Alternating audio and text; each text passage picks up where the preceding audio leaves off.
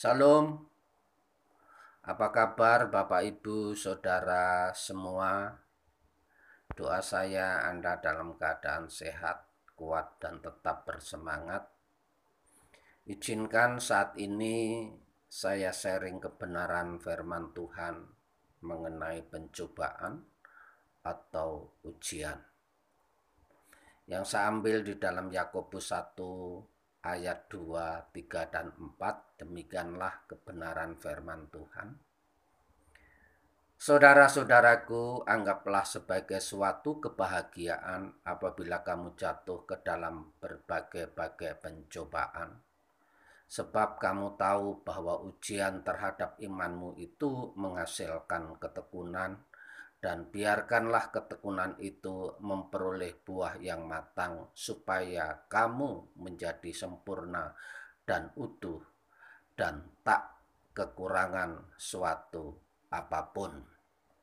Saudaraku yang dikasihi oleh Tuhan, setiap kita hidup di dalam dunia ini pasti akan menghadapi yang namanya pencobaan atau ujian. Namun pencobaan atau ujian itu sangatlah jauh berbeda. Karena pencobaan itu bertujuan untuk memisahkan kita dengan Allah. Di mana datangnya itu dari iblis, kuasa kegelapan atau Lucifer, atau bahkan itu dari diri kita sendiri tetapi kalau ujian itu berbicara mendekatkan diri kepada Allah, di mana pencobaan dan ujian ini berjalan bersama-sama. Tinggal kita bagaimana menyikapi atau melihat persoalan itu. Kita jadikan pencobaan atau ujian. Saudaraku yang dikasih oleh Tuhan, sudah sekian waktu di negeri kita masih ada pandemi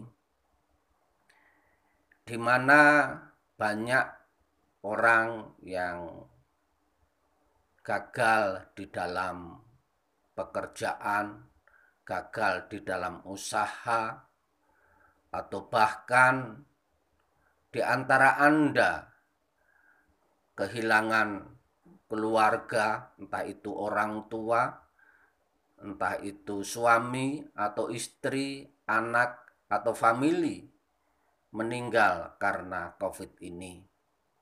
Dan tidak sedikit juga yang mau menikah harus ditunda.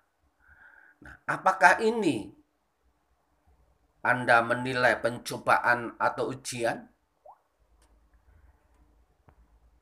Saudaraku yang dikasih Tuhan berbicara mengenai ujian itu dimulai dari kepahitan. Namun di akhirnya pasti akan menikmati yang namanya kemanisan.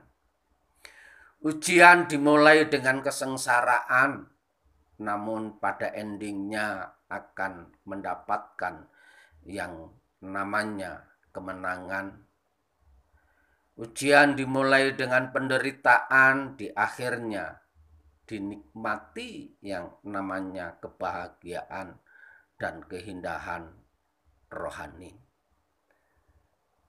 Mengapa Tuhan mengizinkan pencobaan itu datang? Ada dua hal.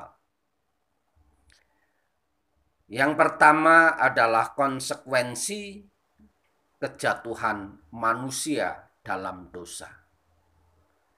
Sejak Adam dan Hawa jatuh di dalam dosa, kita tidak lagi hidup di dunia yang tanpa dosa. Akibatnya kita harus senantiasa melawan dosa dan pencobaan itu untuk bisa mengalahkannya.